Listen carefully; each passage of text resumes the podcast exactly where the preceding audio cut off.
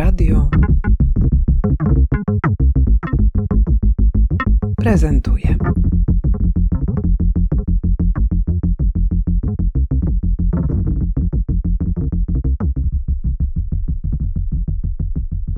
Barbara Banasik, kuratorka wystawy Muzeum A po co w Muzeum Azji i Pacyfiku. Zacznijmy w takim razie od początku. Spróbujemy przejść. Jesteśmy w trakcie montażu, więc gdyby się pojawiły jakieś odgłosy w tle, to proszę nam wybaczyć. A tutaj e, jeszcze prace trwają nad przygotowaniem tej wystawy, ale już wiadomo, kto nas wita na wejściu. Na wejściu e, bogini Kwanam, e, wietnamska bogini miłosierdzia, współczucia i jej postawa ma też nas e, przygotować do, do wejścia na tą wystawę, do tego, żebyśmy weszli na nią patrząc uważnie, z taką czułością, uruchamiając nie tylko jakby wiedzę, ale też emocje. No to uruchommy w takim razie. Zobaczmy, co się dzieje dalej. Tutaj w gablotach, jak to w muzeum, stoją zgromadzone cenne zbiory. Jaka logika została przyjęta do zorganizowania tej wystawy? Pierwsza część to jest taka replika XIX-wiecznego muzeum. Mamy tutaj sześć gabinetów tematycznych, tak jak to kiedyś wyglądało, tak jak kiedyś wyglądały protomuzea, czyli takie pierwsze zorganizowane tematyczne wystawy, kiedyś jeszcze prywatnych kolekcjonerów, potem publicznych. I tutaj przechadzamy się właśnie pomiędzy tymi gabinetami. I kiedyś patrzono na te obiekty po prostu jako na piękne, estetyczne przedmioty. Odczytywano również też ich treści i znaczenie i do tego wszystkiego tutaj e, zachęcamy, ale też zaproponujemy taką zabawę, żeby wyobrazić sobie, co by było gdyby, gdyby w tych dawnych kolekcjach, właśnie w tych od renesansu przez XIX wiek, w tych gabinetach pokazywano również obiekty, rzeźbę, malarstwo z Azji i Pacyfiku. I tak właśnie wchodząc w pierwszy gabinet starożytności możemy zobaczyć najstarsze obiekty u nas w muzeum, to są wszystko rzeźby i teraz wyobraźmy sobie jak e, właśnie wyglądałaby sztuka Michała Anioła, gdyby oglądał nie tylko rzymskie i greckie rzeźby, ale też e, mógł się przypatrywać tym chińskim. Przejdźmy w takim razie tutaj do tej gabloty. Tu szczególną uwagę zwraca ta postać, której właściwie tylko głowa znajduje się na postumencie. To jest inna odmiana tej samej postaci, która witała nas na wystawie, czyli bogini Kwanam. To jest bodhisattva, czyli e, postać z buddyzmu Mahayany, która ma nas, nam ludziom pomóc przejść przez życie tak, żebyśmy e, doznali oświecenia i żebyśmy mogli e, wyzwolić naszą duszę. I tutaj widzimy tylko głowę i to jest właśnie ta historia, smutna historia losów kultury. E, podczas rewolucji kulturalnej po prostu niszczone były e, obiekty. I mm, różnymi drogami ich fragmenty przybywały w różne inne zakątki świata. Kiedy widzimy te wspaniałe przykłady bogatej kultury innego stanowczo kontynentu, no, musimy się zapytać o to, w jaki sposób te obiekty trafiły do nas, akurat w naszą szerokość e, geograficzną, co tu robią i czemu służą? Do nas obiekty, do Polski w ogóle, ale też do Muzeum Azji i Pacyfiku, y, obiekty zaczęły głównie po II wojnie światowej trafiać, kiedy Polska już miała stosunki handlowe i dyplomatyczne z wieloma krajami, no i miała też przede wszystkim siłę nabywczą, y, żeby różne rzeczy sprowadzać.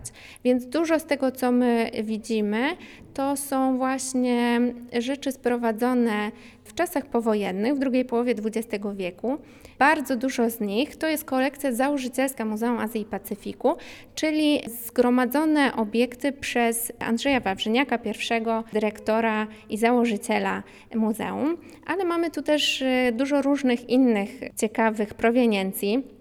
Więc zachęcam wszystkich e, Państwa, żeby zwiedzając, również patrzeć w podpisach na to, od kogo te obiekty i w jaki sposób e, do nas przyszły, bo czasem zdradzamy właśnie e, te różne ciekawe historie obiektów.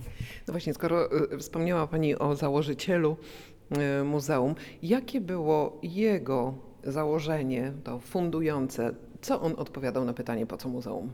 Myślę, że Andrzej Wawrzyniak przede wszystkim chciał pokazać tutaj w Polsce ten fascynujący świat, który zobaczył, kiedy jako młody marynarz popłynął e, na statku i, i zetknął się z tym wszystkim po raz pierwszy.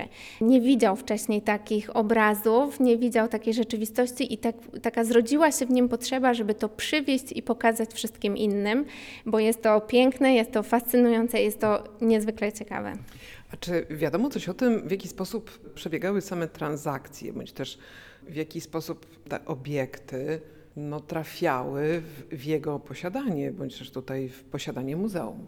Mhm, to jak przejdziemy kawałeczek Chodźmy dalej. w takim razie.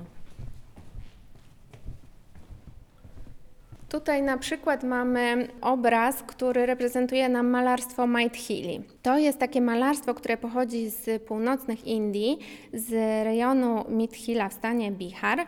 I w latach e, 60.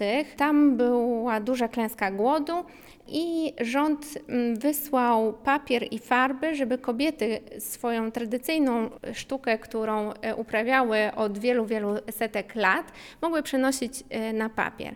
I wtedy pojawili się właśnie tacy wyspecjalizowani marszandzi, którzy skupowali bardzo duże ilości i przywozili je do e, Europy i e, z dokładnie tej samej kolekcji, czy z tego samego, od tego samego marszanda, więc e, z tego samego okresu i od tych samych autorek mamy obrazy my, ma British Museum, Victoria i Albert w Londynie i Muzeum w Budapeszcie. To jest bardzo ciekawe też ta historia cyrkulowania obiektów z kontynentów nieeuropejskich i w jaki sposób one trafiały do Europy i jakimi mechanizmami to chyba zasługuje w ogóle na osobną wystawę. Nie podpowiadam, ale przyszłabym. A proszę powiedzieć coś o tym e, niesamowitym zupełnie. I teraz co to jest? To jest, czy to jest malowidło na... na To, jest, e, to są farby wodne na płótnie, takim cieniutkim płótnie bawełnianym, takim, że jak się przyjrzymy, to widzimy, jak e, ono prześwituje. To jest znowu ta podobna historia, to jest przeniesione malarstwo ścienne, tak jak w przypadku malarstwa Maithili, na formę przenośną, żeby można było wprowadzić ją do obiegu i to właśnie były te czasy, kiedy się ten rynek sztuki, handel sztuką rodził. I kiedy to malarstwo w rodzimych e, gatunkach, w rodzimych stylach zaczęło być e, sprzedawane. Więc to pochodzi e, z Bali i to jest właśnie przerys takiego świątynnego malarstwa. No, ale tutaj mamy do czynienia z jakąś taką sceną bardzo gwałtownej, brutalnej walki. Co to przedstawia? To jest historia wiedźmy Celonarang i jak się przyjrzymy, to widzimy, że to nie jest jedno pole, to jest kilka osobnych pól, na których po kolei możemy śledzić rozwój e, historii. I tutaj na przykład mamy właśnie ostateczną bitwę i na następnym jest upadek tej wiedźmy, więc możemy te same postaci w kilku różnych miejscach tego obrazu znaleźć, więc e, czytamy go tak poziomo i pionowo jednocześnie. Trzeba sobie zrekonstruować tą historię w głowie. Przy tej okazji dobrze chyba wybrzmi pytanie o to, co my, Europejczycy, jesteśmy w stanie wydobyć z tych artefaktów. Jaką pracę wy, także jako muzealnicy, musicie włożyć w to, żeby one zaczęły do nas mówić. To jest pytanie, na które kuratorzy sobie próbują od wielu, wielu lat udzielić sobie odpowiedzi, odpowiedzieć na nie, dlatego że mamy kilka różnych podejść i tak naprawdę musimy połączyć wszystkie. Czyli nie możemy się skupić na tym, żeby opowiedzieć, jaka tu jest narracja, jaka to jest historia. Nie możemy się skupić na ikonografii i powiedzieć, a to symbolizuje y, to, a ten przedmiot symbolizuje coś innego bo wtedy zupełnie spłycamy warstwę sztuki w, tym, w tej sztuce. Musimy też mówić o stylu, musimy mówić o formie, musimy patrzeć w całości e, na ten obraz.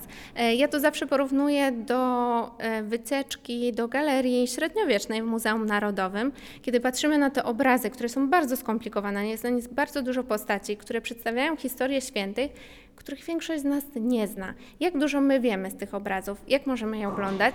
Najczęściej możemy tylko patrzeć na ich formy, jakie one są ładne estetycznie.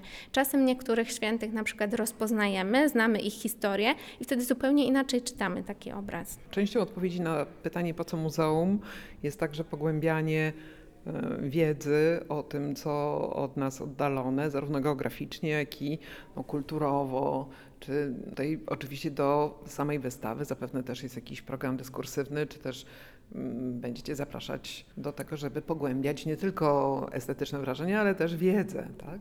Tak, zapraszamy też na pierwszy panel. To jest kolekcjonerstwo, a po co? Bo nie da się ukryć, że muzea wychodzą z kolekcji. Kolekcje to są konkretne osoby, konkretni kolekcjonerzy i oni wpływają na to, co zbierają, co znajduje się w ich kolekcji. To potem z kolei wpływa na to, co znajduje się w zbiorach muzeum i za pomocą jakich obiektów my możemy o świecie opowiadać. Więc e, tutaj zaraz po wernisażu cofamy się zupełnie do, do źródeł, do początków i rozmawiamy o kolekcjonerstwie. Podejdźmy w takim razie do bardzo ciekawej gabloty, w której wśród tego nagromadzenia osobliwości znajdują się obiekty ze świata przyrody. E, Gabinety przyrodnicze to były bardzo popularne właśnie formy. One miały w swoim zamierzeniu być taką biblioteką, miały być źródłem wiedzy i każdy mógł do nich przyjść.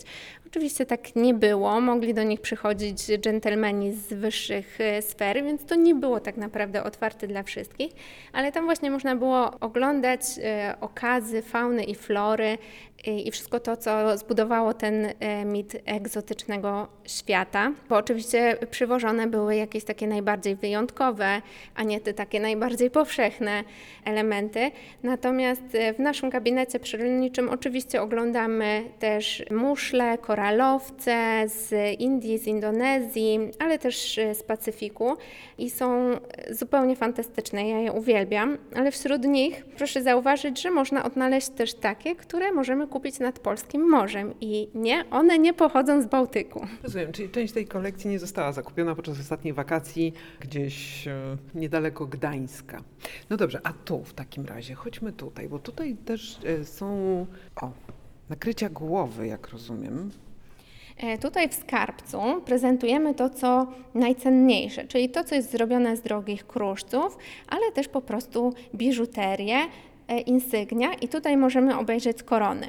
I te korony są bardzo różne, bo tam mamy kopię królewskiej korony, później mamy koronę, która e, służyła do zakładania podczas różnych świąt rzeźbom buddyjskim. Tutaj mamy koronę, którą cały czas noszą panny młode w Indonezji i mamy też e, takie elementy, które sami byśmy nie nazwali koronami, one już pochodzą z Oceanii, ale to cały czas są korony, mimo że nie są zrobione właśnie z metalu. Ten metal nam tak bardzo się kojarzy z biżuterią, że wszystko, co nie jest metalowe, to nadajemy temu zupełnie inną kategorię. To jest szczególnie piękna, to jest. To jest z Nowej Kaledonii, którą e, warto o tym powiedzieć. Nowa Kaledonia, która leży niedaleko wybrzeży Australii, nadal należy do Francji, jest terytorium francuskim, więc e, jest to tak zwany nasz e, francuski wianek. Mm. No tutaj to jest ogromny temat związany z jednak krytycznym podejściem do obecności śladów materialnych kultur w zbiorach europejskich. Jest też duży i poważny, taki radykalny nurt, który chciałby jednak zwracać wszystkie te obiekty do krajów pochodzenia. Jakie jest Wasze zdanie na ten temat? Dla nas najważniejsze jest, żeby badać intensywnie i głęboko proweniencję obiektów. Jest to dla nas ważne, skąd one pochodzą, w jaki sposób osoby, które je nabywały, weszły w e, posiadanie. E, Dużo z tych rzeczy, które tutaj możemy obejrzeć, to są na przykład też prezenty dyplomatyczne, więc ich status jest trochę inny. To jest też coś, co przedstawiciele danego kraju chcieli pokazać, chcieli, żeby to ich reprezentowało właśnie tutaj w Polsce. Więc to, co my robimy teraz, to my się skupiamy przede wszystkim na badaniu e, proweniencji. No dobrze, to my zbadajmy w takim razie jeszcze, przechodząc się pozostałe części wystawy, zobaczymy, czy tutaj możemy czegoś doświadczyć. O, tutaj są ciekawe takie formy. Jak można by to nazwać? E, Tutaj jest e, nasz pokój interakcji. Tutaj zapraszamy do tego, żeby nasi zwiedzający z jednej strony trochę to, co pojawiło się wcześniej w naszej rozmowie, odkryli, że ten daleki świat nie jest wcale taki inny i on jest blisko i istnieje w naszej codzienności.